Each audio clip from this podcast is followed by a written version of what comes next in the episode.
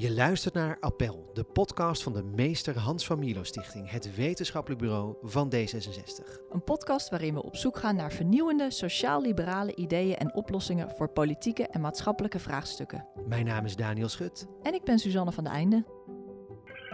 een van de uh, dingen die al in het ombudsmanrapport van een paar jaar geleden zag, is dat ja, burgemeesters heel erg redeneren vanuit de openbare orde. Terwijl de openbare orde uh, helemaal geen beperkingsgrond is van de demonstratievrijheid. Van klimaatactivisten tot boeren, van woonprotest tot anti-Zwarte Piet demonstraties. We gaan vaker en massaler de straat op. Tegelijkertijd treedt de politie harder op tegen actievoerders en zorgen ook tegen demonstraties vaker voor een grimmige sfeer. En dat terwijl het demonstratierecht verankerd is in onze grondwet. Wat mag er? Wanneer gaat demonstreren te ver? En waarom gaan mensen eigenlijk de straat op? Hierover praten we in deze aflevering van Appel met twee demonstratie-experts. Bert Klandermans is emeritus hoogleraar toegepaste sociale psychologie aan de Vrije Universiteit. Hij doet onderzoek naar de sociale psychologie van protest. En Michiel Bot is universitair hoofddocent Law and Humanity aan Tilburg University. Van harte welkom beiden. Bert Klandermans ja. in de studio en Michiel uh, aan de telefoon. Um, ja, als academici bestuderen jullie demonstraties, maar uh, we zijn natuurlijk ook heel nieuwsgierig of jullie zelf wel eens de straat op zijn gegaan. Ja, ooit. de, ik, ik, heb eigenlijk al heel lang belangstelling voor protestgedrag. Ook in de tijd dat er nog weinig geprotesteerd werd in, uh, in Nederland. En in het begin heb ik met een aantal demonstraties meegedaan. En op een gegeven moment moet je toch ietsje meer afstand houden als je als wetenschapper iets wil zeggen over zo'n zo'n evenement of zo'n gebeurtenis. Dus dan, ga je toch iets meer op een afstand en commentaar geven op duiden. Vaak als, als er ergens gedemonstreerd wordt, dan worden we de volgende dag gebeld door journalisten van van de radio, van de krant. Dus die, die, ja. die rol blijven we, blijven we toch eigenlijk altijd wel hebben. Maar, maar welke demonstraties waren het dan?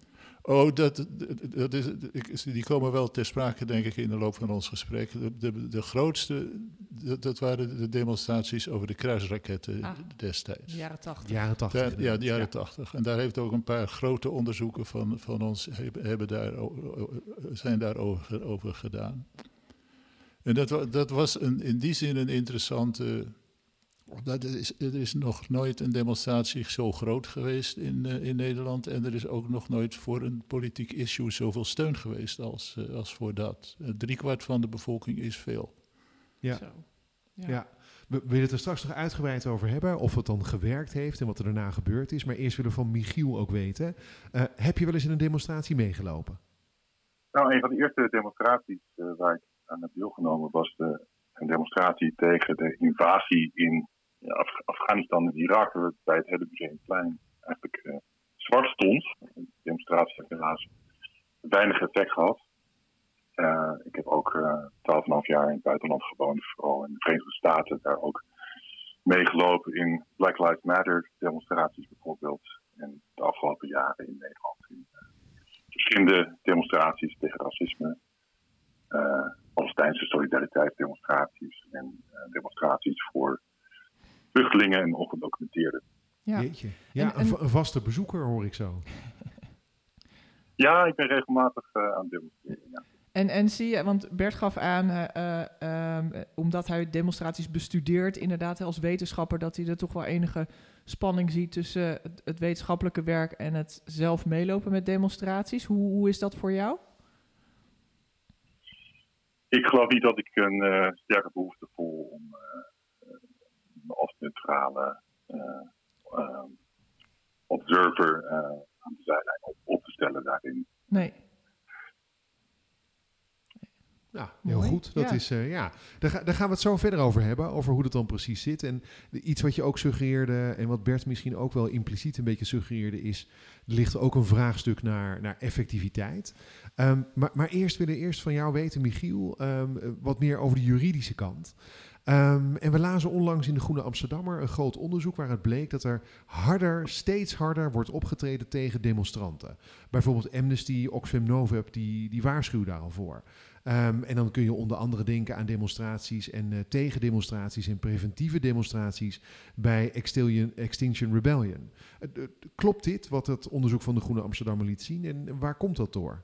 Ja, dat klopt zeker. Het is een heel zorgwekkend uh, gedegen, lang artikel dat allerlei problemen opzond bij de bescherming van de demonstratievrijheid.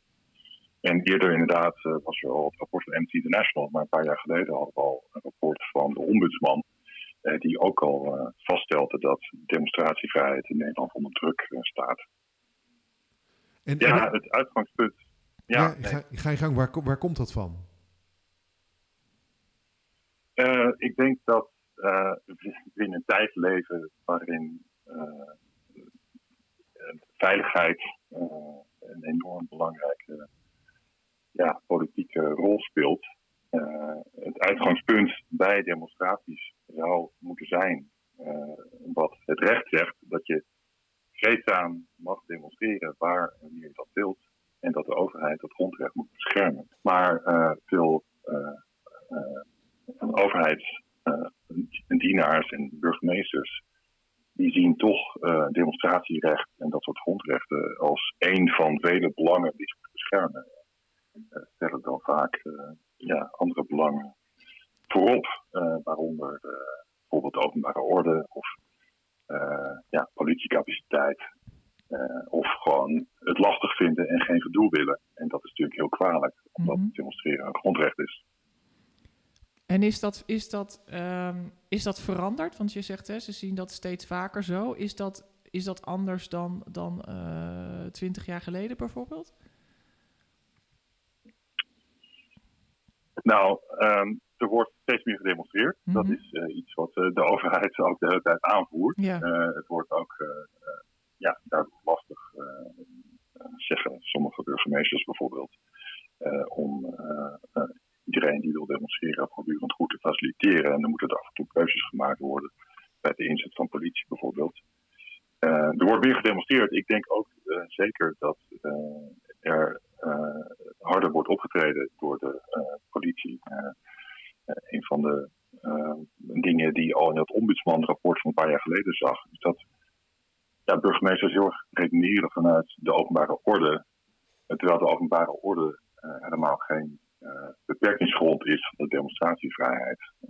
het is een grondrecht en de allereerste verantwoordelijkheid van de burgemeester als er gedemonstreerd wordt, uh, moet zijn om die demonstratie te faciliteren. Oké, okay, dat is Tenzij er hele specifieke redenen zijn om in te mengen in die demonstratievrijheid. En dat soort redenen zijn er eigenlijk helemaal niet zo heel vaak. Dus je zegt het demonstratierecht gaat boven, staat boven de openbare orde eigenlijk? Ja, dat is iets vaak gedacht wordt. Dat er een soort afweging moet zijn tussen de belangen van demonstranten aan de ene kant en het beschermen van de openbare orde aan de andere kant. Terwijl het staat gewoon met zoveel woord in de grondwet en ook in het Europese Verdrag voor de Rechten van de Mens. Uh, er zijn wel beperkingsgronden, er zijn redenen waarom uh, een, de overheid mag inmengen in de demonstratievrijheid van demonstranten. Maar de openbare orde staat daar niet bij. Wat er wel staat in de grondwet is dat ter voorkoming van wanordelijkheden en Europees Verdrag voor Recht van de Mens uh, wanordelijkheden en strafbare feiten. Maar wanordelijkheden voorkomen, dat is eigenlijk, uh, dan moet er echt iets aan de hand zijn. Uh, en je kunt niet zomaar aanvoeren dat er een verstoring van de openbare orde zou, zou zijn. Want het hele doel van een demonstratie is natuurlijk tot op zekere hoogte ontregelen en de normale gang van zaken een beetje door de war schudden. Uh, bijvoorbeeld het verkeer onderbreken of uh, zorgen dat mensen zien dat er een demonstratie is en daarom een stukje moeten omlopen en daardoor misschien even blijven staan. dus er wordt veel te snel ingemengd in de demonstratievrijheid met een beroep op openbare orde, terwijl dat geen legitieme reden is om in te mengen. Bert, zie, zie, je het ook zo? Dat is, uh... Ja, nou, het is grappig. Michiel zei dat. toen zat ik er al aan te denken: van ja, er wordt veel meer gedemonstreerd. Dat is zeker zo. interessant voorbeeldje. Een aantal jaar, een flink aantal jaren terug, iets van twintig jaar terug of zo, heb ik een tijdje in Parijs gewoond. En in één weekend werd in Parijs meer gedemonstreerd dan in Nederland in een heel jaar. Zo.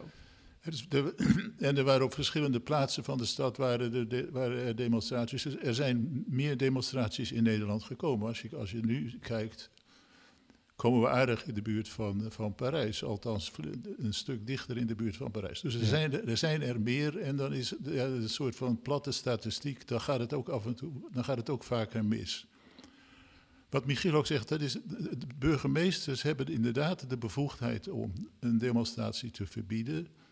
En mijn indruk is dat ze dat eigenlijk het liefst maar zo heel mogelijk doen. Want het is, het is, het is lastig. Je, moet, je politie moet er, moet er uh, voor, voor de straat op. Ze doen, het, ze doen het vrijwel altijd als er tegendemonstraties zijn. Want dan kun je, dan kun je zeggen van ja, dat, als, als, dat, als er iets de openbare orde verstoort, dan is het demonstra tegen demonstraties en tegendemonstraties. Dus dan, ja, dan gaan ze de, ze uit elkaar halen. Dus dan gaat een deel gaat naar het Amsterdamse bos en een ander deel naar de Dam of zo. Hè. Ja, ja, ja. Dat mag je, dat, maar, maar dan mag je dus demonstreren. Maar een heel belangrijke vraag is: waar, waar, zijn mensen nou op uit als ze demonstreren? En ik, ik zeg dan altijd: een demonstratie is een communicatiemiddel om aan over, doorgaans overheden te laten weten dat je ergens heel erg boos over bent. En dus ga je demonstreren. Niet omdat je van de Dam naar het Museumplein lopen zo leuk vindt of Amsterdam zo interessant vindt, maar omdat je vindt dat er. Uh, even kijken, ik was nu, nu de draad uh, kwijt. De, het, heeft een doel, je uit iets. Oh ja, de, ja dus ja, je, ja. je wilt vooral de aandacht trekken. En nou, Michiel noemde dat ook al. Aandacht kun je ook trekken door, door de orde te verstoren. Ja dat is een heel, heel dunne grens tussen de orde verstoren, wat bijvoorbeeld Extinction Rebellion doet. Extinction Rebellion is een goed voorbeeld, denk ik, van een, een club die weet wat ze doen. Ze, ze, ze, ze, verstoren de orde, maar ze zijn heel voorzichtig met, met geweld. Ze zijn absoluut niet, niet bezig, bezig met gewelddadige vormen. Doe je dat wel, dan krijg je wel, wel veel aandacht. Hè. Dus het, het, doel is veel aandacht krijgen voor onze, voor onze uh, doelen. Maar de kans is heel groot als het uit de hand loopt, dat de, de aandacht gaat naar de, het, het, feit dat het uit de hand loopt en niet meer naar waar het in de demonstratie eigenlijk om ging. Ja. Dus er is een, een, een wankel, wankel evenwicht tussen aan de ene kant aandacht trekken en dat doen door wat meer ordeverstorende activiteiten. En aan de andere kant een, een organisatie zijn die aandacht van de, de, bevolking, maar ook van de, van de politiek vraagt voor de issues waar ze voor staan. Ja. Ja. Nou hoor ik Michiel dus zeggen, en uh, eigenlijk dus dat het dat hele argument van verstoring van openbare orde als grondslag om een demonstratie uh, te, te, verbieden, dat dat eigenlijk geen rechtsgeldig argument is, dat is niet legitiem in ieder geval. Um, maar iets anders wat we ook wel merken is dat ja, het heeft dus als doel de, de openbare orde verstoren. Tegelijkertijd zien we dat er uh, protesten ook wel eens op andere manieren daarmee omgaan. We noemen nu Extinction Rebellion, dat is dus blijkbaar gaat, op de, gaat net goed, gebalanceerd hmm, ja. op de rand wat dat betreft. Maar ja, als we het hebben over demonstratie, denken veel mensen nu natuurlijk aan de boerenprotesten. Mm. Michiel, hoe, hoe, zie jij dat? Gaan die dan te ver en worden die dan ongelijk behandeld ook in, in de media of ook door de politie in de bestrijding van hun protestvorm? Ja, boeren hebben demonstratievrijheid natuurlijk. Ja. Uh, uh, sommige boerenprotesten die zijn zeker te ver gegaan. Uh, dus met tractoren door voordeuren van provinciehuizen gereden. ja, allerlei echt gevaarlijke verkeerssituaties. In tegenstelling tot de vermeden verkeerssituaties waar Extinction Rebellion nog wel van beschuldigd wordt. Uh, dus ik denk dat dat in de media ja, toch wel ongelijk behandeld wordt soms. Ja. Ja. Het verbaast me wel hoeveel die uh, boerenprotesten blijven houden, ook als er dat soort uh, vorm van geweld wordt gebruikt. Mhm. Misschien ook even goed om nog even wat terminologie helder te hebben, want we hebben het natuurlijk over demonstreren, uh, maar het gaat ook vaak over, uh, over burgerlijke ongehoorzaamheid. Um, uh, wat is dat dan precies? Is dat dan bijvoorbeeld met, een, met een tractor door een provinciehuis rijden? Of, of eigenlijk, hè, wanneer, wat is het verschil tussen de twee en wanneer gaat demonstreren over in burgerlijke ongehoorzaamheid? Kan jij daar wat over zeggen, Michiel? Ja, ik uh, denk niet dat je het uh, met een tractor de voordeur van het provinciehuis dat je dat als burgerlijke ongehoorzaamheid kunt titelen. Omdat burgerlijke ongehoorzaamheid ja, is. Het is ja, eigenlijk een vertaling van het Engelse civil disobedience. dus er zit een element van het civil of ja, beschaafd aan. Er zit een beperking van uh, geweld. Het is geen revolutionaire daad, maar een uh, wetsovertreding die uh, zichzelf enigszins in de hand houdt. Dus burgerlijke ongehoorzaamheid is een wetsovertreding die openlijk gepleegd wordt, die doelbewust gepleegd wordt, die gewetensvol is en die je samen met anderen pleegt voor een bepaald politiek doel. Wat bedoel je met gewetensvol? Uh, ja, nee, je, je, moet op de een of andere manier uh, de, de wetsovertreding van burgerlijke ongehoorzaamheid natuurlijk onderscheiden van wetsovertreding van een, van een misdrijf.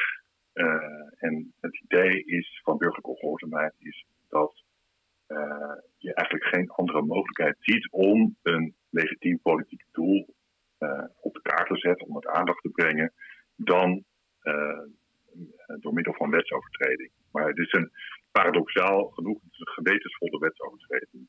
Dus, dus er zit een ja, soort paradox in daar. Want in, in principe uh, vinden we wetsovertreding natuurlijk gewetenloos.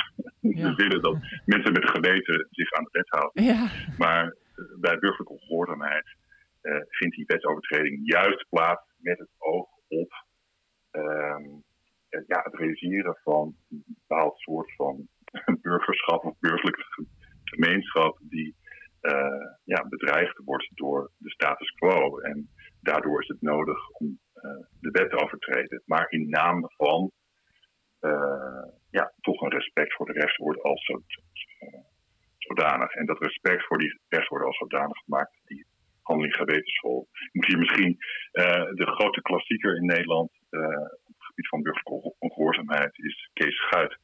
En zijn boek Recht, Rechtorde en Burgerlijke Ongehoorzaamheid uh, is precies 50 jaar uh, geleden verschenen. Dus uh, ik nog even te bladeren. En interessant genoeg noemt hij daar in 1973 al de ecologische crisis als een van de drie probleemgebieden waar, waarop burgerlijke ongehoorzaamheid in zijn optiek noodzakelijk is. En wat is een recent voorbeeld dan van burgerlijke ongehoorzaamheid? Ja, uh, je vast te plakken aan een, ja. uh, een Vermeer. ja, precies. Misschien. Ja. of of aan de openbare weg. ja. ja. Dat zijn duidelijke recente voorbeelden. Ik zou nog wel eens willen weten, zit er ook juridisch nog een verschil um, tussen voor, tegen wie en waarom je protesteert. Dus uh, we hoorden Bert net zeggen, nou ja, een demonstratie is heel vaak dat je dan tegen de overheid iets doet. Dat je dus een boodschap hebt tegen de overheid. Um, dan wordt ook een term als burgerlijke ongehoorzaamheid heel begrijpelijk.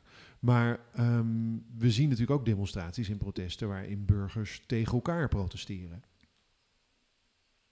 Zeker. Uh, zeker bij de acties van uh, Kick-Out Zwarte Piet bijvoorbeeld. ja weet ik niet of uh, primaire doelwit de overheid was. Dus misschien ook wel. Ze protesteren natuurlijk ook om uh, de overheid uh, te laten ingrijpen bij Sinterklaas intocht bijvoorbeeld, of geen vergunningen te verlenen. bij Sinterklaasverenigingen die het bestuur van Zwarte Piet nog niet ervoor bestaan. dus ik denk ook in de milieubeweging dat het doel voor een deel ook echt wel is om uh, de publieke opinie uh, te veranderen. En daarnaast natuurlijk om uh, ja, private bedrijven te bewegen in de richting van een milieuvriendelijke manier van omgaan met, met de aarde. Maar, maar, valt er dan nog onder een ander juridisch kader? Nee, want demonstratievrijheid demonstratierecht staat heel duidelijk in de wet op de openbare manifestaties. Het is een uitwerking van het demonstratierecht in de grondwet. Dat de overheid zich niet bemoeit met de inhoud van demonstraties. Uh, dus waar voor of tegen je protesteert, dat maakt in principe juridisch niet uit.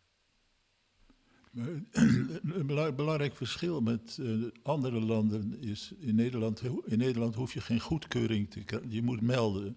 Je moet, je moet laten weten dat je gaat demonstreren, maar je hebt niet een permit uh, nodig. En daar, dat, dat maakt de ruimte die, die, die ontstaat om te demonstreren veel groter dan in andere landen het, uh, het geval is. Burgerlijke ongehoorzaamheid. Er, er moet een reden zijn om de wet. Het moet hoe dan ook een overtreding van de wet zijn, anders is het geen, geen ongehoorzaamheid. Aan de andere kant, het mag geen geweld. Als je, als je het boek van Kees Schuit, het, ik heb dat ook nog weer even uit de kast gehaald. Uh, Schuit is daar altijd heel, heel helder in geweest. Het mag geen geweld worden. Burgerlijke ongehoorzaamheid moet. Het zijn, wetten, het zijn wetsovertredingen, want anders is het geen ongehoorzaamheid. Maar het mag geen geweld worden. Op, op dat moment verschuift het naar gewelddadige demonstraties. En dan, dan gaat de politie ingrijpen. Uh, wij, wij, een van de termen die we wel tegenkomen is uh, politierellen. Dat is het moment als de politie met groot geweld uitrukt, met grote wapenuitrusting uitrukt. Dan kun je er donder op zeggen dat er, er, geweld gaat gebruikt worden. En dan is de interessante vraag: is wie, wie was begonnen? De eerste. Ja. Ja, ja. Um, maar dat is wel interessant. Dan zeg je dus eigenlijk dat de ME misschien het uitlokt. Op het moment dat de, als je kijkt hoe dat is, de ME staat in eerste instantie opgesteld in zijstraatjes. Die staat niet, en die, die komt er pas aan of die rukt pas uit op het moment dat, er, dat het gewelddadig lijkt te gaan worden. Als uh, iemand een steen gaat gooien, dan zijn, wordt er vrij snel ingegrepen uh, al. Mm -hmm. Dus uh, ja, dat. dat maar, maar, waar trek je dan praktisch die grens tussen uh, wanneer wordt het echt gewelddadig? Kijk, een steen gooien, dat lijkt me heel duidelijk. Maar de, wanneer beslist dan bijvoorbeeld de ME of de politiechef ter plaatse... nu is het gewelddadig aan het worden en nu kan ik ingrijpen? Ja, ja, ja ik, ik, denk op het moment dat de eerste steen gegooid gaat worden, op het moment dat, dat uh, men, men, naar de politie agressief gaat, uh, gaat worden, omgekeerd is de politie dan ook agressiever. Dus dat, dat kan heel snel escaleren. Ja, ja. ja. Kan elkaar versterken. Ja. Het is misschien wel belangrijk om uh, te memoreren dat demonstratie vrijheid, het grondrecht op demonstratievrijheid, ook een positieve verplichting met zich meebrengt voor de overheid om hmm. demonstranten te beschermen. En als we het hebben over geweld, dan denk ik vooral aan de uh, gebeurtenis in Staphorst uh, afgelopen herfst uh, bij de Sinterklaas in daar. Toen ja, ik uit Zwarte Piet daar wilde gaan demonstreren en een ontzettend gevaarlijke situatie ontstaan is. omdat demonstranten op weg naar Staphorst in een auto ja, door een menigte zijn uh, uh, ja, tot stilstand zijn gebracht. En, uh, ja, daar zijn echt hele dreigende dingen gebeurd. de deur werd opengetrokken, de brandstof naar binnen gegooid zelfs. En, de voorraad die werd onder de zwarte verf gespoten. En er liepen mensen met fakkels rond die auto. Dus ja, daar is duidelijk de overheid kortgeschoten in het beschermen van demonstranten. Het uh, voorkomen van geweld tegen demonstranten. Ja, dus aan de ene kant uh, schiet de overheid nou in deze situatie dus tekort in het beschermen van demonstranten. En tegelijkertijd treedt ze dus ook strenger op tegen demonstranten. Wat, wat, ja, wat, zeker. Ja, ja. is dat, is dat, is dat uh, misschien een retorische vraag, maar is dat, is dat, vinden jullie dat zorgwekkend? Ja, ik vind dat heel zorgwekkend wat daar gebeurt in. En ja ik vind ook zorgwekkend dat er soms te gewelddadig wordt opgetreden. Wat zegt dat over, de, over, de, over de samenleving, over hoe ja, we naar toch een soort van wantrouwen tegen Mhm. demonstranten, denk ik. Ja. ja, het is de taak van de overheid om, demonstra- om niet in te mengen in demonstraties die er gebeuren. En om demonstranten te beschermen tegen het geweld uh, van uh, ja, uh, mensen die soms tegendemonstranten worden genoemd. Maar het zijn natuurlijk geen tegendemonstranten, juridisch gezien. want als jij gaat demonstreren met als doel om te voorkomen dat andere mensen kunnen demonstreren, dan maak je misbruik van, van recht. En dan kun je dus niet je beroepen op het grondrecht de demonstratievrijheid. Ja, dan ben je anderen aan het belemmeren. Ja, precies. Ja, ja, ja oké. Okay. Misschien goed om even te over te gaan naar de, de sociaal-psychologische kant van uh, demonstraties. Um, waarom gaan mensen eigenlijk demonstreren? En als in, hè, wat maakt het dat iemand ertoe overgaat om voor een bepaald doel de straat op te gaan? Bert? Ja, nou, het, het allereerste antwoord daarop is, is betrekkelijk voor de hand liggend en simpel. Omdat ze boos zijn, omdat ze verontwaardigd zijn over maatregelen die, nou wat ik al zei, vaak overheid neemt. Maar denk aan Shell van een tijd terug. Het is niet per se altijd de overheid. Ze zijn, ze zijn boos. Dat verklaart nog lang niet alles. Want er zijn heel veel mensen boos en er zijn heel veel meer mensen boos dan er op een demonstratie van redelijke omvang. In Nederland vinden we een demonstratie van enige tienduizenden, vinden we al, vinden we al heel veel. Dus moet, de vraag is, is niet zozeer waarom zijn mensen boos, maar waarom gaan boze mensen demonstreren en ander, ook, ook evenzeer boze mensen niet. En dan krijg je met een heel ander soort factoren krijg je te maken. Identificatie is een, is een heel belangrijk.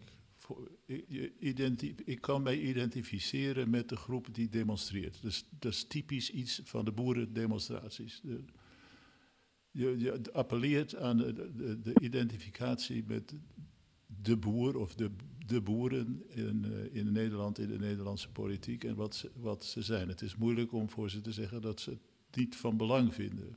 Dus wat ze zullen zeggen is dat ze het van belang vinden, maar op een andere, op een andere manier dat willen gaan doen. Dus identificatie speelt een heel belangrijke, heel belangrijke rol. Effectiviteit. Denk je, denk je dat het wat uitmaakt als jij denkt, oh ja, ik kan, ik kan wel op de Dam gaan staan of op het Malieveld gaan staan, maar het heeft toch helemaal geen enkel effect. Mm -hmm. dan, gaan mensen, dan gaan mensen niet. Sociale, uh, social embeddedness, in wat voor kring, in wat voor, wat voor samenleving bevind jij je? Zijn dat mensen die, die, die regelmatig demonstreren, dan is de kans dat jij meedoet is ook, ook veel groter. En dan heb je al een heel stel factoren waarvan elke keer als je zo'n factor in de analyse gooit, dan vallen er weer mensen af. Dus je begint met een grote groep boze mensen en dan is vervolgens eerst de vraag, kunnen ze zich herkennen? in de, de protestactie. Dan is de volgende vraag, zien ze het als dat het gaat werken? Eh, en dan daarna is er ook een soort omgeving waarin dat wat normaler gevonden wordt. Eh. En dan kom je er steeds meer dichter bij die groep mensen die, die echt... Hè, die basisgroep mensen is boos, maar dan kom je steeds dichter bij de groep van mensen die dus echt daadwerkelijk de straat op gaan. Ja, dat die dat doen. En een, een van de antwoorden die we vaak krijgen als we mensen vragen van waarom was je er niet, dan zeggen ze zo ben ik niet. Oh ja. Dat is interessant. Dat, is een, dat omvat een heleboel. Hè? Ja. Dat, dat is, dat is eh, niet, ik, ben, ik, ben, ik, ik, ik ga niet de straat op, dat doe ik niet. Ik ben bang dat de politie daar, daarop ingrijpt, dat wil ik niet. Dus het zegt heel veel over wat, wat iemand daar, daar dan doet en wat de, wat de situatie waarin hij of zij zich bevindt ja. eh, is op zo'n moment. Als, zoals nu in, in Nederland, hè, als demonstraties minder, minder, geaccepteerd, eh, minder geaccepteerd worden, dan kun je je al voorstellen als je dat rijtje wat ik net noemde zo afloopt, dan, dan, dan gaan ze, ze identificeren zich misschien wel, maar ze, maar ze doen het toch niet. Ja. Want ze, ze doen dit soort dingen niet.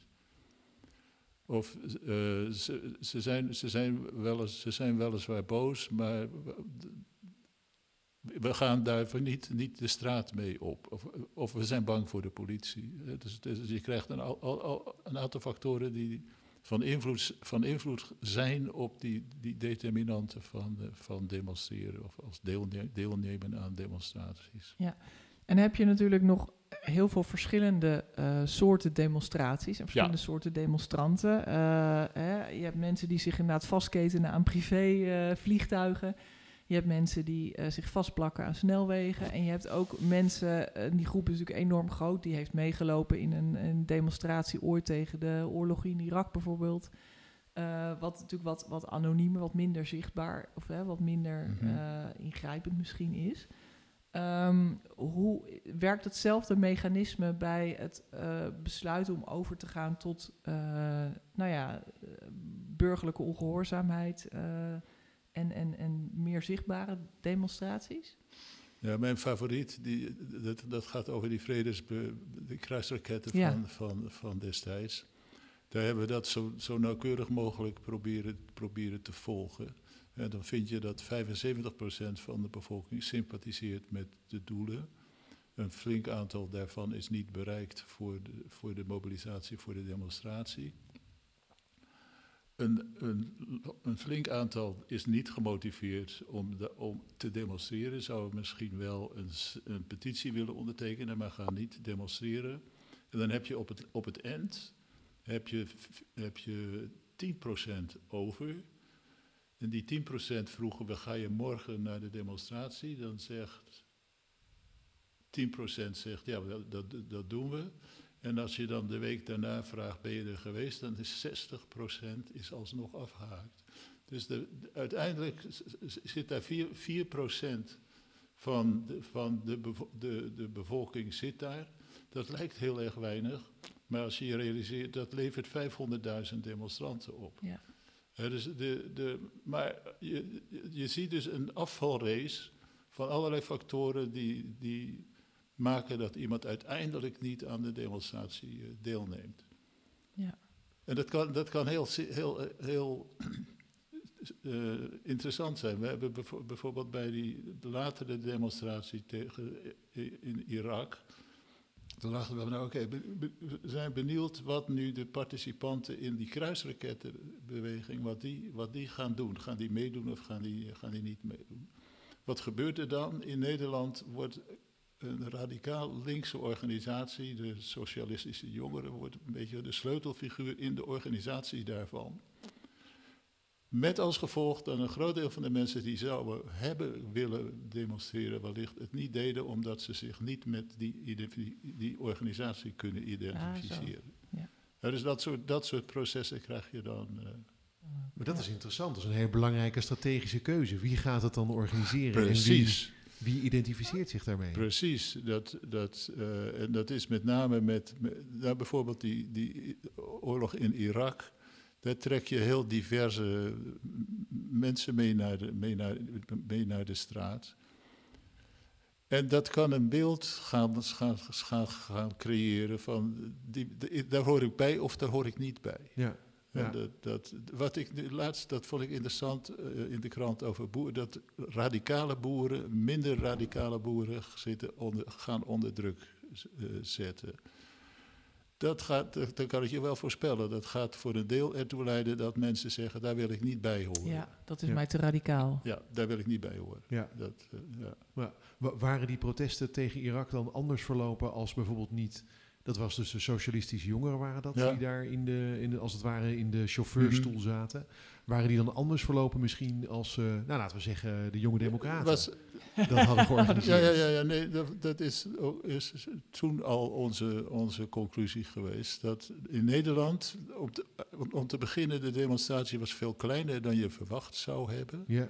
Als je uitgaat van die 500.000 voor kruisraketten, dat was een demonstratie waar 70.000 mensen aan deelnamen. Dat, is nog steeds heel veel voor Nederlandse maatstaven hoor. Dat, uh, maar een, een, interessante anekdote.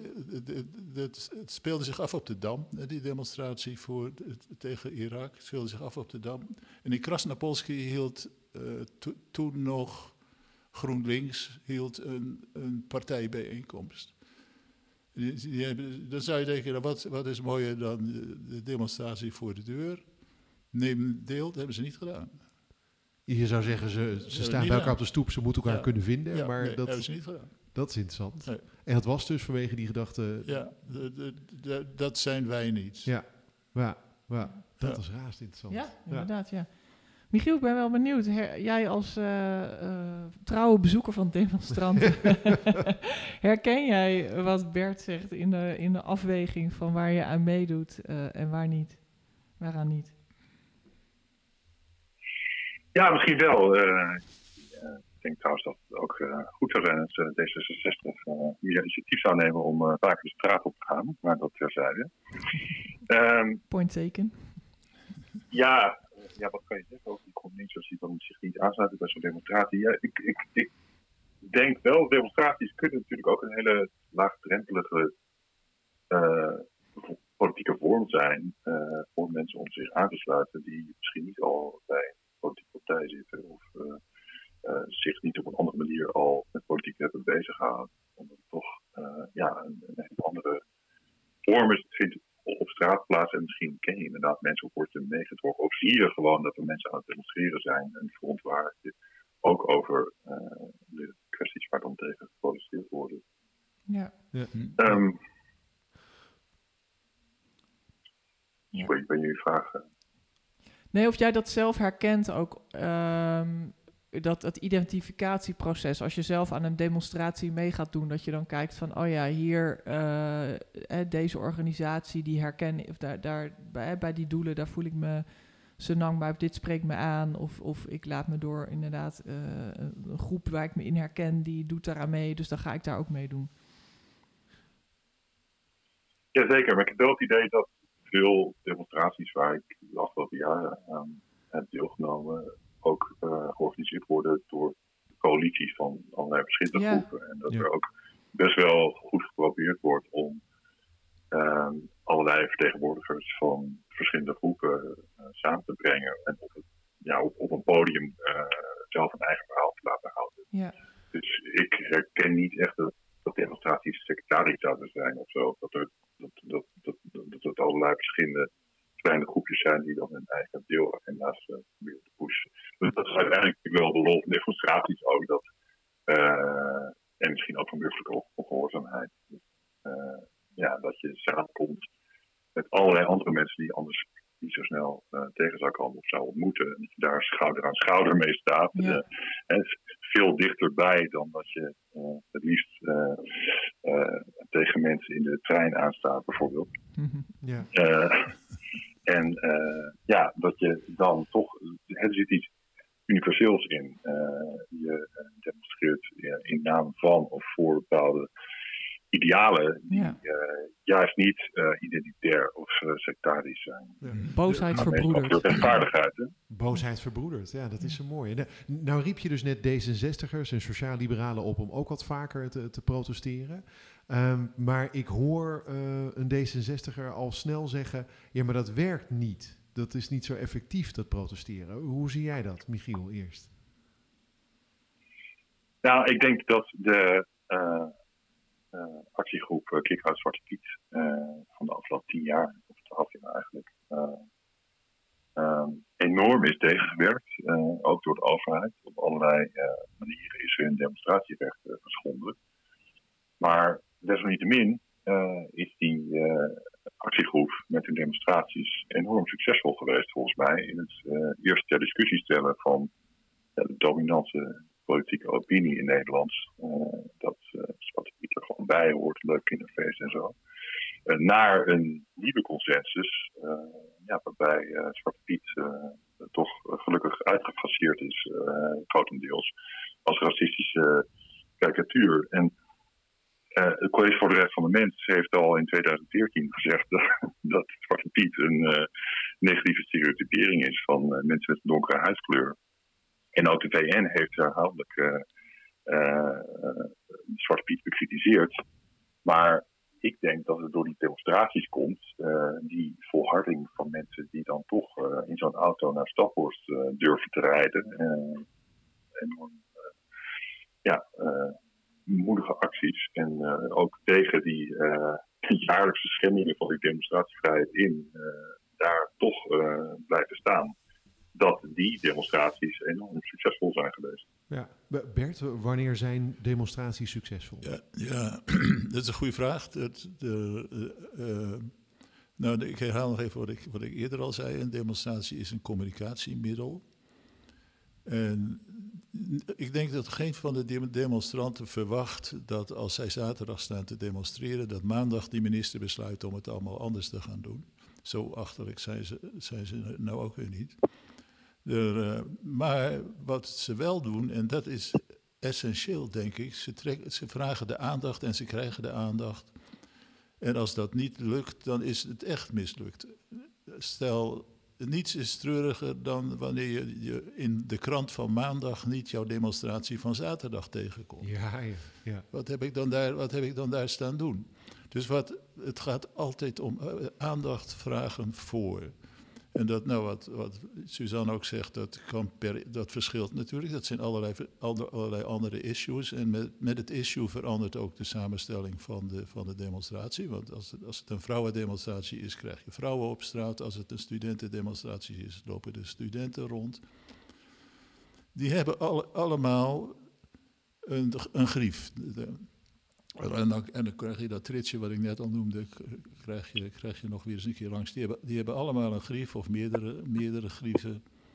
En dat willen ze onder de aandacht brengen. Daar willen ze, ze vinden dat dingen anders moeten. En het voorbeeld van Zwarte Piet is denk ik een mooi voorbeeld van hoe volhardend zijn. Lang, dit, dit zijn langdurige processen. Dat gaat niet van de ene dag op de, op de andere. Maar juist demonstraties die organisaties die erin slagen om zo'n e-, zo'n thema lang actueel te houden, daar kan je denk ik van verwachten dat dat invloed gaat hebben of invloed kan hebben op een breder maatschappelijk, maatschappelijk proces.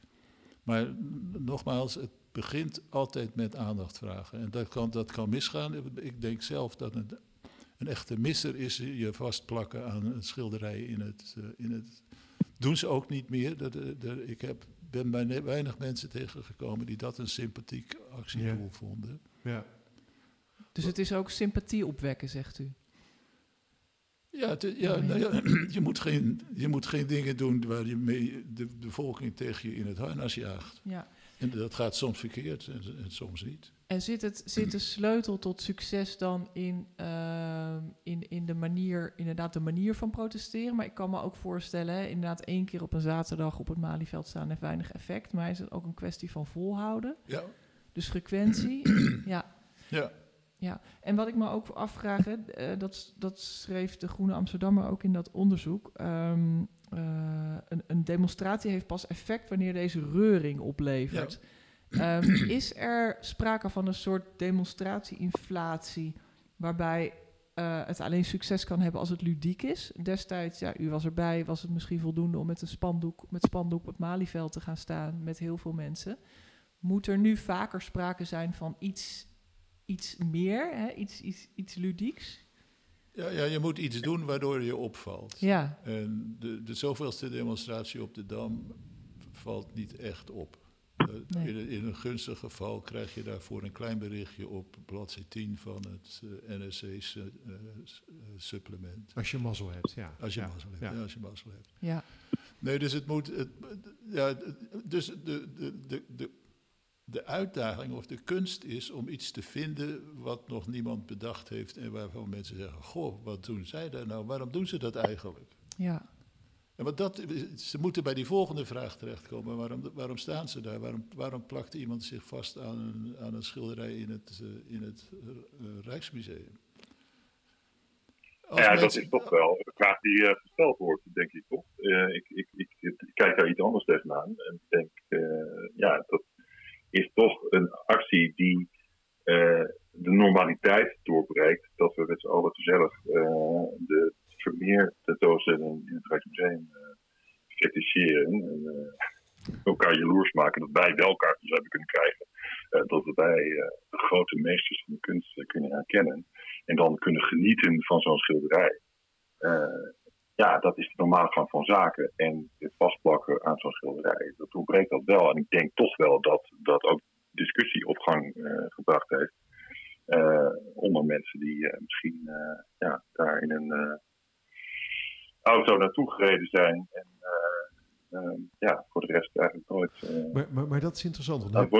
Dan hebben we het dus nu over ehm, hoe je dan als campagneteam eigenlijk een actie bedenkt. Hè? Dat is dan wat het is. En nou ja, we, we, verschillen nu dan geloof ik een beetje, verschillen jullie te, van mening over of dat wel of niet werkt, dat vastplakken aan een vermeer. Ehm, maar, maar de mensen die dat bedenken, uh, hoe denken die daarover na? De, heb jij daarmee over nagedacht? Uh, nee, over deze actie uh, heb ik zelf niet. Uh, maar, maar hoe weten ze dan van tevoren van wat voor soort actie de juiste aandacht en de juiste vorm van aandacht en de juiste sympathie oplevert? Ja, dat weten ze ook niet. Dat is, het is een gok. Dat, nou ja, een, een, op afwegingen gebaseerde gok. Als je dat nog nooit gedaan hebt, dan weet je niet wat het effect daarvan zal zijn. Ja, En dan kan het zomaar gebeuren dat het averechts werkt. Ja. Maar het kan, ook, kan ook zijn dat het de aandacht inderdaad trekt van. Kijk, heel veel besluiten wordt het genomen door politici, niet door demonstranten. Mhm. Dus je wilt de aandacht van politici trekken. Je wilt dat beleid gaat veranderen. En dan moet je dus. Dat, politici zijn gevoelig voor uh, wat, hun, wat het, ze aan stemmen bij politiek, politieke verkiezingen kan, uh, kan opleveren. Dus die, zijn, die kijken naar wie, wie kan ik bereiken van de, van de Kamerleden of van de, van de Eerste Kamerleden. Met, en als ik dit doe, eh, heeft dat dan effect? Kan ik dan hun aandacht trekken en gaan ze dan misschien in hun politieke beslissingen daar rekening mee houden? Mm -hmm. Maar dat zijn, dat, dat zijn allemaal dingen die, die je nog niet weet voordat je ze gedaan hebt. Ja. En, en, en dus, maar ja, Michiel, ja, ga je gang. Nou ja, als het over privaatactivisme gaat bijvoorbeeld, dan is toch het voornaamste doel om uh, de status quo te onderbreken en te, te, te, te doorbreken. Dan heb je niet echt uh, korttermijn doelen, maar het zijn langetermijn doelen die ook nog eens keer mondiaal zijn. Ja. Dus ik denk dat zolang je je laat leiden door uh, ja, die idealen waar je voor staat, dan, dan hopelijk ontstaat er een soort creativiteit waarbij je steeds weer nieuwe dingen kunt verzinnen om inderdaad die status quo te doorbreken en mensen daardoor hopelijk uh, aan het denken te zetten. Nou, nou zie ik het plaatje voor me, Michiel. Als ik je goed begrijp, schets je dan eigenlijk van, nou ja, het gaat om die schilderijen van Vermeer en we hebben zo'n moment dat uh, vooral, dat zullen misschien inderdaad, dat weet ik niet, maar vooral de NRC-lezers zijn die dan lekker met elkaar uh, naar die schilderijen gaan kijken. En dat moment, dat doorbreek je dan. En zo krijg je dus die, die aandacht krijg je, voor elkaar. Is dat een beetje hoe je het schetst nu? Ja, zeker. Ja. Mm, en daarin is, is, is, het toch wel effectief geweest, denk ik. Oké, want uh, ik denk tegelijkertijd aan een protestactie van een jaartje of twee, drie geleden... dat hoger onderwijspersoneel uh, met toga aan uh, hier de Hofvijver inliep. Um, en het leek een hele mooie spontane protestactie... maar die is uiteindelijk gewoon gepland voor flink wat geld, geloof ik... door campagnebureau BKB.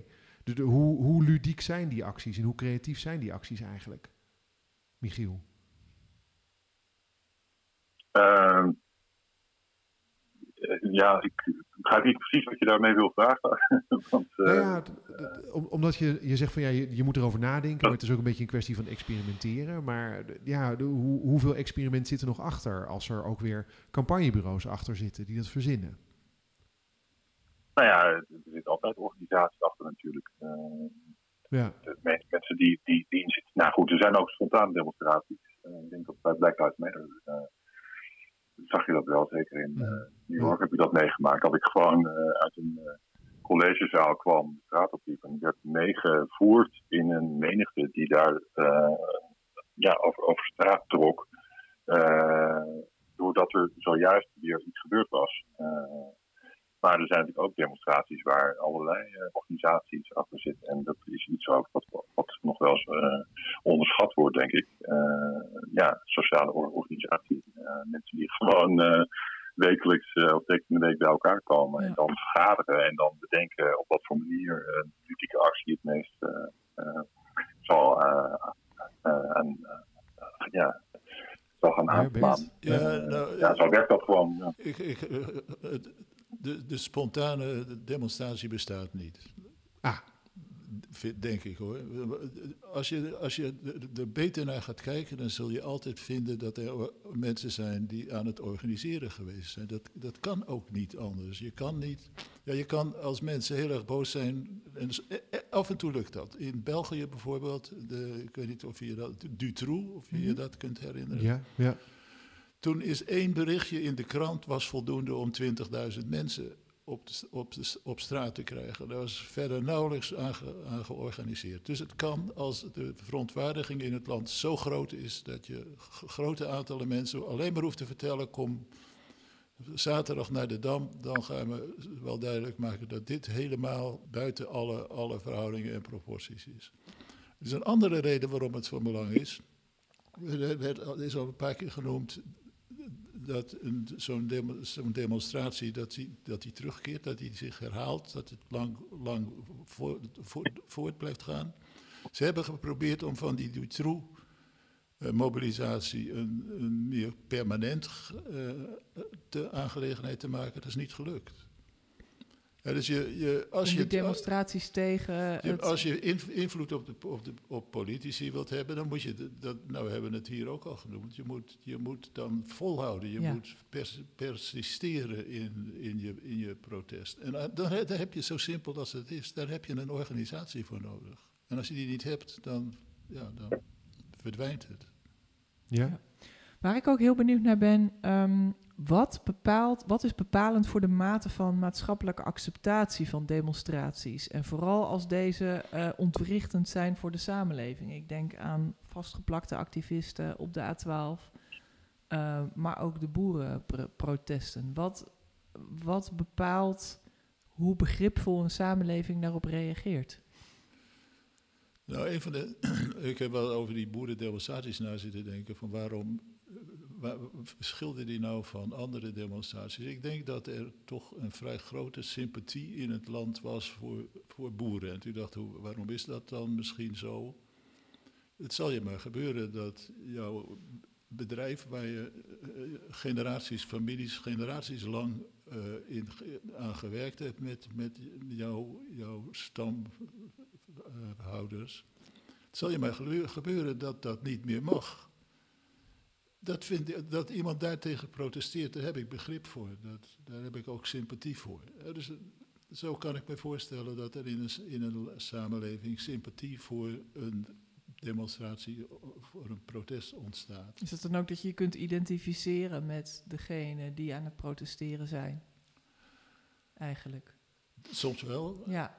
Soms wel, maar het kan ook heel goed, kan ook heel duidelijk zijn dat men het het doel heel erg relevant, acceptabel, verdedigbaar, nou, you, you name it. Uh, ja. You name it fit. Black, Black uh, Life Matters. Ik kan me niet voorstellen dat dat door, voor mensen geen sympathie heeft opgeroepen. Zeker, zeker als je de, de, de school murders in de, in de Verenigde Staten volgt. Ja, ik, ik, ik, begrijp waarom mensen daar zo op gereageerd hebben. Vooral ook als je dat incident met die, met die George, George Floyd, Floyd eh, als, als start. In, maar de, ze bestonden al, hè? Black Lives Matter was er al voordat dat, uh, voordat dat gebeurde. Dus wat gebeurt er op zo'n moment? Er is een incident wat, wat diep ingrijpt in, in de discussie over een bepaald issue. En er is een organisatie die zich daar ja, als je het onsympathiek zou willen zeggen, die daar, zich daar meester van maakt. Of in ieder geval daar, daarmee de boer op gaat. Ja, Mooie woordspel. nee, maar waar het om, waar het dus om, waar het dus om, om gaat, dat is dat er, mensen zijn, organisaties zijn die dat oppakken. Die daarop reageren en dat, dan ontstaat er een georganiseerd geheel. En dan krijg je een heel ander mechanisme dan wanneer bij Dutroux 20.000 mensen op een... Uh, op een zaterdagmiddag bij elkaar komen. Ja. ja het klinkt alsof ik dat niet belangrijk vind, maar dat is niet zo. Het is juist van belang dat er die organisaties uh, dat die er zijn. Ja. Michiel, hoe kijk jij daarnaar, naar die, die, hè, die mate van maatschappelijke acceptatie? Hoe, waardoor, waar wordt dat volgens jou door bepaald?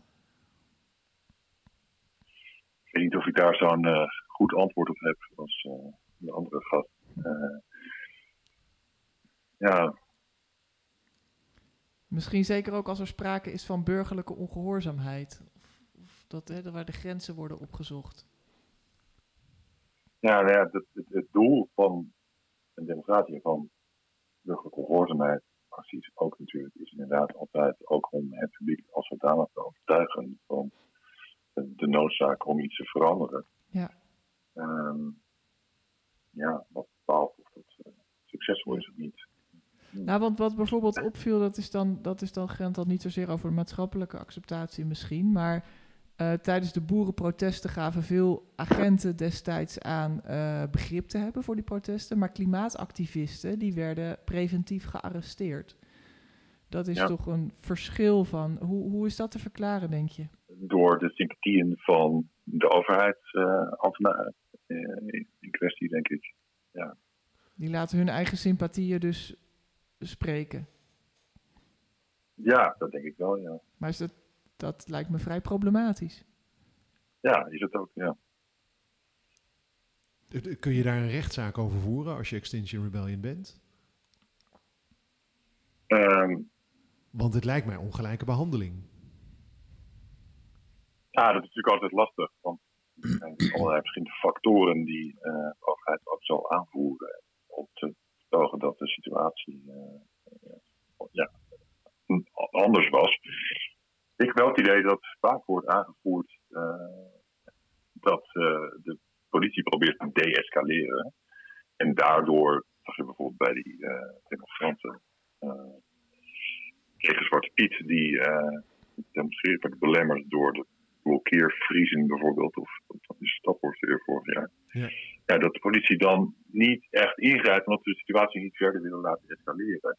Terwijl die klimaatactivisten, die zijn veel vreedzamer. Ja, En die, ja, daar, daar kun je veel makkelijker ingrijpen zonder dat het vol eh, escaleert. Want die eh, laten zich gewoon eh, rustig wegslepen of meevoeren. En dan, dan zal het plan niet in de pan slaan. Want, dus ja, daar zit ook wel een ongelijkheid in. Maar dat zou des te meer reden moeten zijn voor de overheid om juist wel die demonstraties van vreedzame demonstranten goed mogelijk te maken. Ja, ja. Ehm, de Zweedse klimaatwetenschapper Andreas Malm, eh, bekend van het boek How to Blow Up a Pipeline, eh, pleit voor een agressiever klimaatprotest om politiek en bedrijfsleven te dwingen te stoppen met fossiele brandstoffen. Ehm, wat vinden jullie?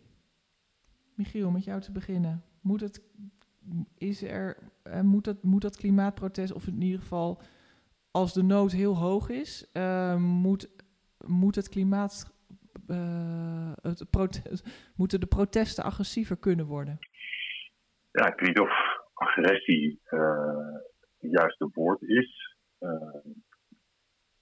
In Andreas Mans argumenten ook niet heel goed, moet ik zeggen.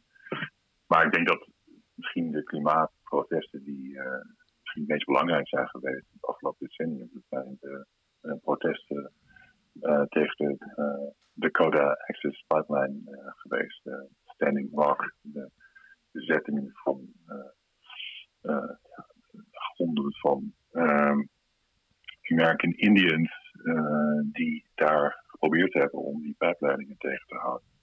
En daar wordt ook eh, het eigendomsrecht van eh, ja, grote bedrijven eh, wel geschonden. Ja, Ehm, ja, de vraag is uiteindelijk ook of je denkt dat de ja, urgentie waar we nu in zitten, de klimaatcrisis of catastrofe, of die überhaupt opgelost kan worden als we vast blijven houden aan een systeem waarbij het recht op privé-eigendom voorop staat. ja. ja een Eh, van dus me- Ja, een van zijn argumenten is het recht op een leefbare planeet is belangrijker dan het recht op eigendom. En hij legt de grens ook bij hè, geweld tegen mensen, dat, dat staat hij niet toe, maar gewe- geweld tegen levenloze objecten zoals pijpleidingen zou toegestaan moeten worden hè, in, vanwege dat hogere doel. Ja, eh, je kunt je inderdaad afvragen of het recht op privé-eigendom überhaupt verenigbaar is met een leefbare planeet. Dat is een hele goede vraag. En dus zou je daarin eh, tegen moeten demonstreren. Um, maar het raakt toch ook weer aan die vraag tussen die vergelijking tussen Extinction Rebellion aan de ene kant en de boerenprotesten hier. Want als je een beetje leest wat de boerenprotesten hebben gedaan, ja, die hebben ook voor het huis van Van der Wal gestaan, van de minister gestaan. Um, dat, dat komt toch allemaal wel behoorlijk gewelddadig over. Hè? Dat, uh, de, de, snelweg werd niet zomaar geblokkeerd. Maar er werd uh, brand gestoken. Uh, er werden met wagens werden er op mensen ingereden of dreigden er met mensen ingereden te worden. Um, de boerenprotesten vinden het niet zo erg om geweld te gebruiken. Zou Extinction Rebellion misschien wat meer geweld moeten gebruiken? Uh, vraag je dat aan mij? Ja, Michiel eerst, dan Bert. Mm -hmm. Ja. Ja, ik denk dat je die uh, vraag niet zo uh, uh, moet stellen of kunt stellen. ik denk dat die vormen van geweld die je doet, dat voorbeelden zijn van geweld waartegen opgetreden moet worden. En ja, dat soort geweld lijkt me zeer onwenselijk, voor demonstranten, waarvoor of tegen dan ook.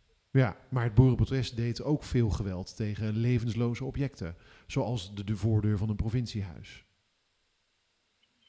Ja, maar ja. ja, een levenloos object is het symbool van, uh, van de politiek. Uh, als, je, als je dat uh, ja. gaat vernietigen, dan ja, begrijp ik niet zo goed wat de boodschap is. En ik denk dat de, het soort van ehm, destructie van schadelijke uh, machines die gebruikt worden om het milieu te vernietigen, waar Andreas Man volgens mij uh, toe oproept, daar echt niet mee vergeleken kunnen worden. Ja. Bert, ja? Ja, nou, het, kan, het kan zich heel makkelijk tegen je keren. En het, natuurlijk, je, wat ik al, al, eerder zei, je trekt er onge, ongetwijfeld de aandacht mee. Dat, de, vast en zeker. Als het een beetje tegen zit, dan heb je de hele pagina in het NRC en Trouw en uh, heb je bij elkaar. Dus het kan, het kan zich heel makkelijk tegen je keren. En wat, nou, wat ik zei, dat de discussie gaat dan over de toelaatbaarheid van dit soort middelen... Ja. in plaats van over de, de, de mm -hmm. kwaliteit van het milieu of, of het, doel. Uh, het, ja. het, het, doel. Dus ja, ik denk, ik denk dat het, het, is, het is op eieren lopen, in, in, letterlijk soms. En, uh, het, is, en het, het, is niet makkelijk om daar het, het, het, acceptabele midden voor te vinden. En de ene keer schiet het er voorbij en dan verlies je sympathie. De andere keer schiet je in de roos en dan heb je het ineens gedaan. Dus ja, ik, heel concreet in antwoord op de vraag: moet dat nou of moet het nou of moet het nou niet? Ik zou zeggen: het kan, maar je moet dat heel, je moet dat heel zorgvuldig doen. En ook als, ook als je schade aan objecten of eigendom van anderen gaat doen, dat, dat, dat kan. Maar je moet dat heel, heel zorgvuldig doen. Uit, heel goed uitleggen wat je aan het doen bent, want voor je het weet, keert het zich tegen je. Ja. ja. ja. Zijn de demonstraties in Nederland over het algemeen uh, zijn die anders van aard dan in andere landen. En daar heb je veel onderzoek naar gedaan. Mm. Uh, ik denk bijvoorbeeld aan de, de, de, gele hesjes in Frankrijk. Daar ging het toch allemaal wat, wat uh, fanatieker aan toe, had ik het idee. Ja, nou ja, wat ik, wat ik, wat ik daarnet al, al zei, dat toen ik die, die, die tijd dat ik in Parijs ja. zat, dat in één weekend meer gedemonstreerd werd dan in Nederland in een, in een heel jaar. Wij hebben, toen wij dat onderzoek startten, uh, naar demonstraties. Was de afspraak die we, die we maakten met de zes landen die meededen aan het onderzoek, dat ze in het jaar, ik weet niet meer precies, maar zeg, zeg even 2000 voor het gemak, twaalf demonstraties onderzoek, onderzoeken zouden. We waren voor Nederland bang dat we, of we dat überhaupt ooit oh, zouden, gaan, ja. zouden gaan halen, die twaalf. Ja. ja. Tot onze grote verrassing hadden we dat binnen een maand voor elkaar. Oké. Okay.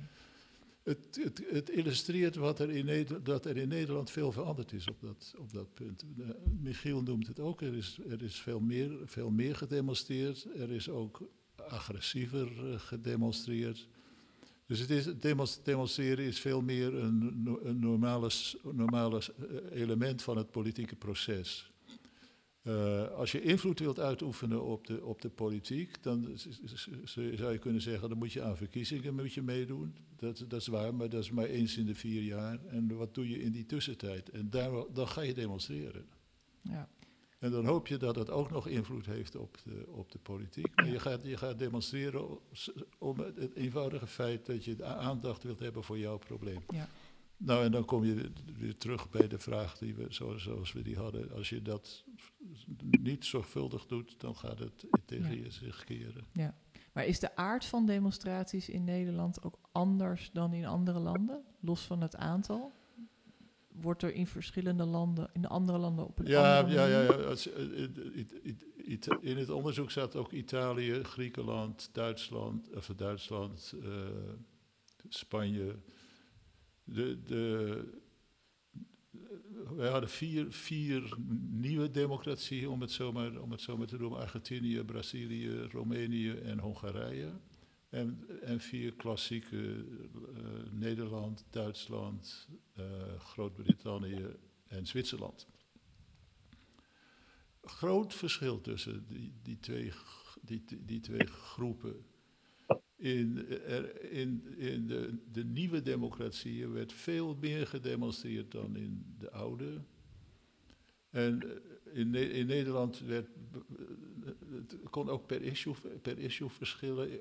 Corruptie, protesteren, demonstreren tegen corruptie, dan zit je meer in Argentinië, Brazilië en Roemenië. En protesteren tegen immigratiepolitiek, dan zit je meer in Nederland, Zwitserland en dergelijke. dus, dus, issues kunnen verschillen per, per land. En dat er, eh, maakt dan uiteraard ook uit voor wat voor mensen je de, je de straat op, uh, op krijgt. Dus ja, het zijn. Uh... Ja. Alright. Nou, we zijn alweer een uur bezig, dus ik wilde eigenlijk gaan voorstellen om. Uh, tenzij er zoveel protest tegen opkomt, uh, te gaan afsluiten. hey, de laatste vraag die we altijd stellen was de vraag: uh, stel dat jullie minister waren, en ik begin me zo bij Michiel, denk ik. stel je was nu minister. Um, ja, we, we, we, horen nu dus dat we demonstreren meer als Nederland. We, we onderdrukken demonstraties als Nederland ook meer. Um, je bent nu minister, dat zou dan minister van Binnenlandse Zaken zijn waarschijnlijk. wat zou je nu doen als het gaat om demonstraties? Michiel? Uh, het eerste wat ik zou doen is uh, de identificatieplicht afschaffen. Uh, of in ieder geval zou ik een aanwijzing maken om te zorgen dat er gestopt wordt met het controleren van identiteit bij demonstraties. Een rapport van de Groen Groen Amsterdammer en ook van Amnesty International maken duidelijk dat uh, onder havenklap demonstranten om identiteitsbewijs uh, gevraagd wordt. Terwijl dat uh, volgens mij niet legitiem is, het, want de identificatieplicht of identificeren kan in ieder geval niet als een legitieme grond worden gebruikt om demonstratievrijheid in te perken. Mm -hmm. En dat gebeurt wel heel, heel veel ja, de, enorme surveillance uh, plaats van uh, demonstranten. Het kan heel intimiderend zijn, maar het kan ook mensen beletten om überhaupt naar demonstraties te komen. Bijvoorbeeld ongedocumenteerden die ook het grondrecht op demonstratievrijheid hebben. die lopen daar een enorm risico. En het is ook helemaal nergens voor nodig. Nederland kende uh, alleen in de Tweede Wereldoorlog een identificatieplicht. Mm -hmm. uh, en uh, pas in 2005 is, is er weer een identificatieplicht ingevoerd. En die wordt te pas en te onpas misbruikt bij demonstraties. Dus als minister zou dat het eerste punt op de agenda zijn om die hele identificatieplicht af te schaffen. En als dat niet haal, politiek haalbaar zou zijn, in ieder geval te zorgen dat er bij demonstraties uh, niet meer naar identiteitsbewijzen wordt gevraagd. Dat is absoluut niet nodig. Waarom, weet je, even een, een zijsprong, waarom, waarom gebeurt dat? Waarom wordt dat zoveel gedaan nu? Ja, dat is een manier om uh, demonstranten in gaten te houden, maar het is ook een soort van uh, ja, verdenking van, bijvoorbeeld een wantrouwen jegens demonstranten. Ja. maar die enorm intimiderend werkt. En, ja, dat, is, ja, surveillance, ze vliegen ook tegenwoordig heel vaak met drones boven demonstraties. Ik zou misschien het weten, maar ik mocht maar één keer doen, maar dat zou een ander punt zijn. Hoor, mag best een hele agenda. Mag best eentje nog noemen, ja. Ja. Dat is, eh, ja. Ja, zo, als er nog andere punten zijn, dan sluit ik me ook aan bij de, eh, de aanbeveling in het eh, rapport van Amnesty International. eh, om het belang van het verkeer te verwijderen uit de wet op de openbare demonstraties. Omdat dat eh, volgens het Europees Hof voor de Recht van de Mens ook eh, niet mag. staat niet in het Europees Verdrag voor de Rechten van de Mens. Eh, dus eh, niet op eh, grond van het belang van het verkeer demonstraties verbieden. Eh, en eh, die hele kennisgevingsplicht, eh Bert die noemde dat al even. Je hoeft in Nederland geen vergunning aan te vragen als je wil demonstreren. Maar je moet meestal wel een kennisgeving eh, doen. Eh, in de wet op de openbare manifestaties eh, staat dat, je, dat een burgemeester eh, een demonstratie mag beëindigen als er eh, geen kennisgeving is gedaan. Maar volgens het eh, Europees Verdrag voor de Rechten van de Mens eh, moet er altijd op het moment van eh, het beëindigen van de demonstratie worden beoordeeld of die beëindiging noodzakelijk is in een democratische samenleving om een legitiem doel te bereiken. Eh, en het enkele doen eh, eh, of, of, of het nalaten van eh, een kennisgeving doen, eh, dat is voor het Europees Hof voor de Rechten van de Mens nooit voldoende grond om eh, eh, toe te staan dat de overheid een demonstratie eh, verbiedt. Dus in die zin eh, moest daar eh, de wet op de openbare manifestaties ook eh, worden aangepast. Helder. Ja. Mooi, dankjewel. Bert Ja, Ja, Klandermans. eh, Michiel eh, eh, heeft een beetje het gras voor mijn voeten weggemaakt. Ah, Er, eh, nee, maar dat geeft alleen maar aan dat het relevant is, denk ik. Nee, ik zou de bevoegdheden van de burgemeesters in, eh, in, in deze onder de loep willen nemen. De, eh, de burgemeesters mogen met een beroep op de openbare orde mogen demonstraties verbieden. Dat doen ze ook af en toe. Maar wat, wat, wat mij met name dwars zou zitten, dat is dat, ze, dat onduidelijk is wanneer het af is en wanneer het toe is. De ene burgemeester verbiedt iets wat de andere burgemeester graag toestaat. Dus er, dus Ik een soort het- willekeur in wie ja, ja, verbiedt. dus, eh, het, ja, dus ik stel me zo voor dat als de burgemeester een zekere sympathie voor het issue kan opbrengen, dat hij het eerder doet dan wanneer hij dat niet kan. Maar dat, die, die, in- die inhoud is niet waar het om, om, om gaan mag. Hij mag dus alleen de openbare orde beschermen.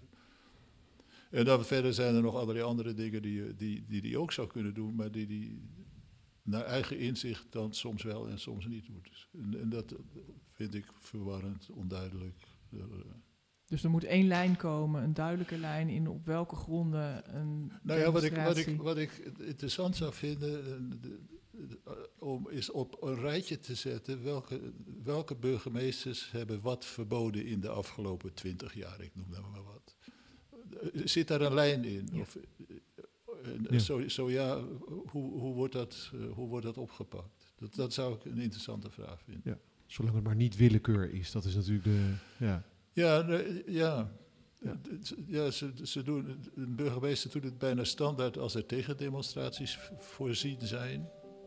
En ja, dat is misschien een goed argument, maar er zijn vast meer argumenten om, daar, om dat te regelen. Ja. Er, eh, Helder. Ja. Hartelijk dank Michiel Bot en Bert Klandermans voor eh, dit gesprek. En jij luisteraar, bedankt dat je luisterde. Vergeet niet je te abonneren op deze podcast. Als je dat nog niet hebt gedaan, dan mis je geen aflevering meer. En wij zijn er weer over twee weken. Tot dan.